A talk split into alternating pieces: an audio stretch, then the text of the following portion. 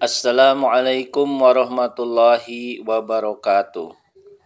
Hadirin dan hadirat yang dimuliakan oleh Allah Subhanahu wa taala, kita lanjutkan kembali deresan tentang keilmuan yakni pola yang pertama di dalam menempuh kehidupan yang hakiki.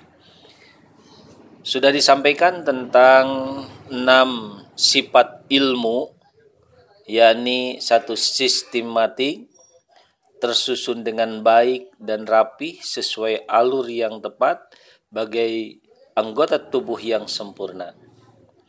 Logis, masuk di akal, dapat dimengerti dan dipahami oleh semua kalangan. Yang ketiga, radikal, jelas dan tegas, tidak ngambang atau tidak setengah-setengah. Dan yang keempat, saling keterkaitan, saling menjelaskan satu sama lain atau seperti anggota tubuh yang saling ada korelasinya tidak bisa dipisahkan. Yang kelima, menjawab berbagai kebutuhan. Seperti telah dijelaskan bahwa segala sesuatu itu diciptakan oleh Allah Subhanahu wa taala adalah untuk keperluan manusia. Jadi ilmu yang benar akan dapat berfaedah untuk kebutuhan manusia khususnya. Dan yang keenam, mengarah kepada satu titik, yakni setiap pembahasan keilmuan, setiap sesuatu akan menjurus pada satu titik. Jadi apa pun yang kita pelajari akan mengarah kepada sang pemilik ilmu, yakni Allah Subhanahu wa taala. Eh, kemudian selanjutnya hadirin yang berbahagia, sekarang akan saya sampaikan ciri khas ilmu yang benar. Jadi yang dimaksud dengan ciri khas ilmu yang benar di sini pengaruh yang kita pelajari dari ilmu-ilmu Allah Subhanahu wa taala itu akan membekas kepada diri kita. Nah, untuk hal ini tergantung kepada bagaimana cara kita mencarinya, ilmu apa yang kita pelajari, bagaimana niat dan motivasi kita di dalam mencari ilmu ini.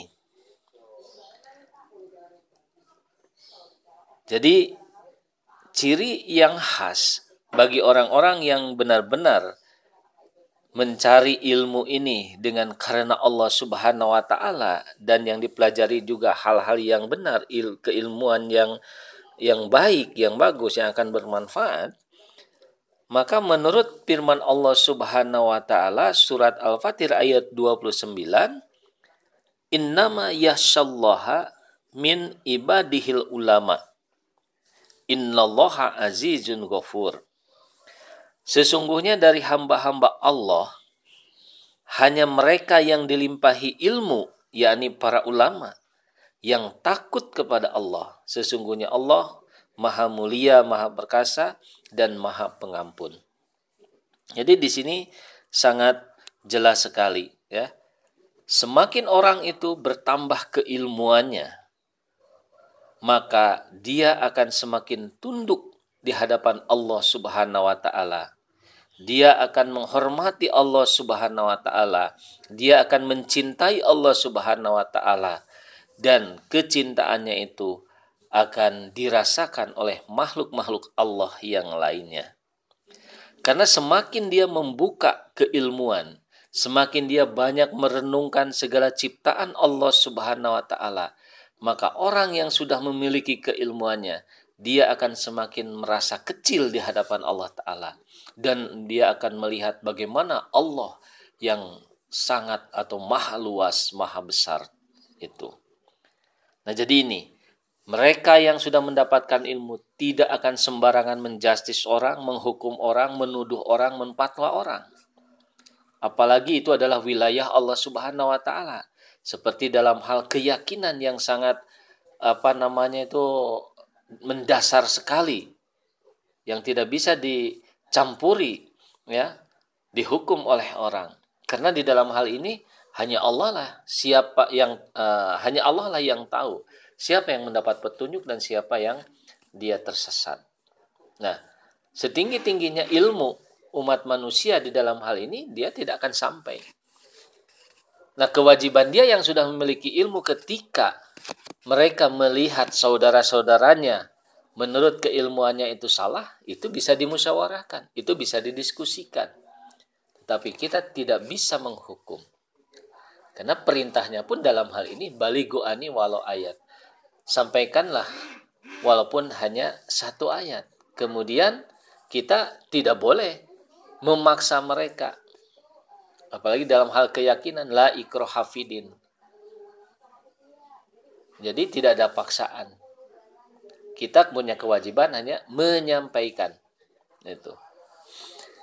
Nah kemudian yang selanjutnya yang perlu kita ingat yakni kepada nasihat Rasulullah Shallallahu Alaihi Wasallam tentang niatan mencari ilmu itu jangan sampai ini pun salah. Karena ketika kita salah di dalam niat, motivasi mendapatkan ilmu ini, masuk ke dalam perguruan, niatnya untuk mendapatkan sertifikat supaya bisa diterima dalam satu perusahaan atau dalam satu kantor dengan demikian dia akan mendapatkan kedudukan kemudian juga dia akan mendapatkan honor yang lebih besar, gaji yang lebih besar. Nah, niatan-niatan seperti itu adalah tidak tepat, tidak benar.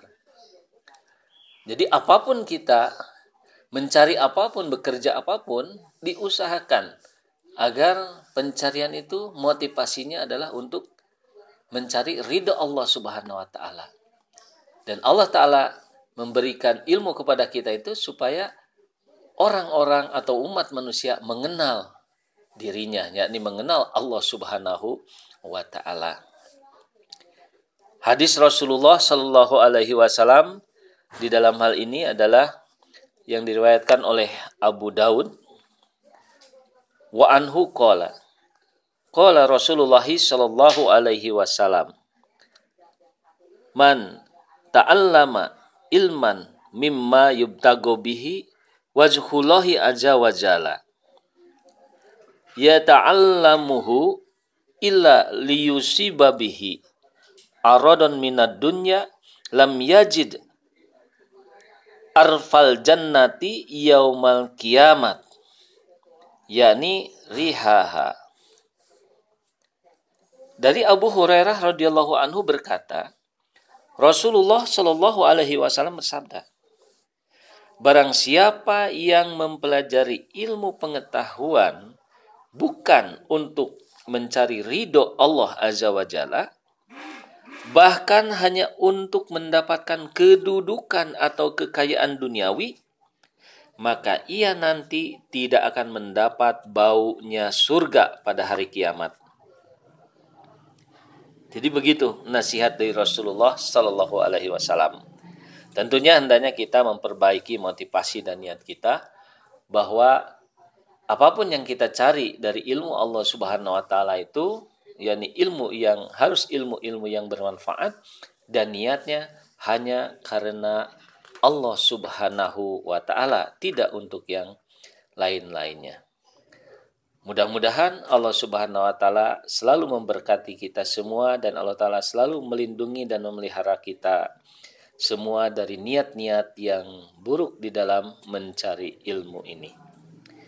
Bagi kita teman-teman yang sudah terjerumus atau punya niatan-niatan di dalam mencari ilmu seperti itu kita masih diberi umur oleh Allah Subhanahu wa taala untuk banting setir kita diberikan waktu oleh Allah Subhanahu wa taala untuk merubah niat kita dengan niatan-niatan yang baik.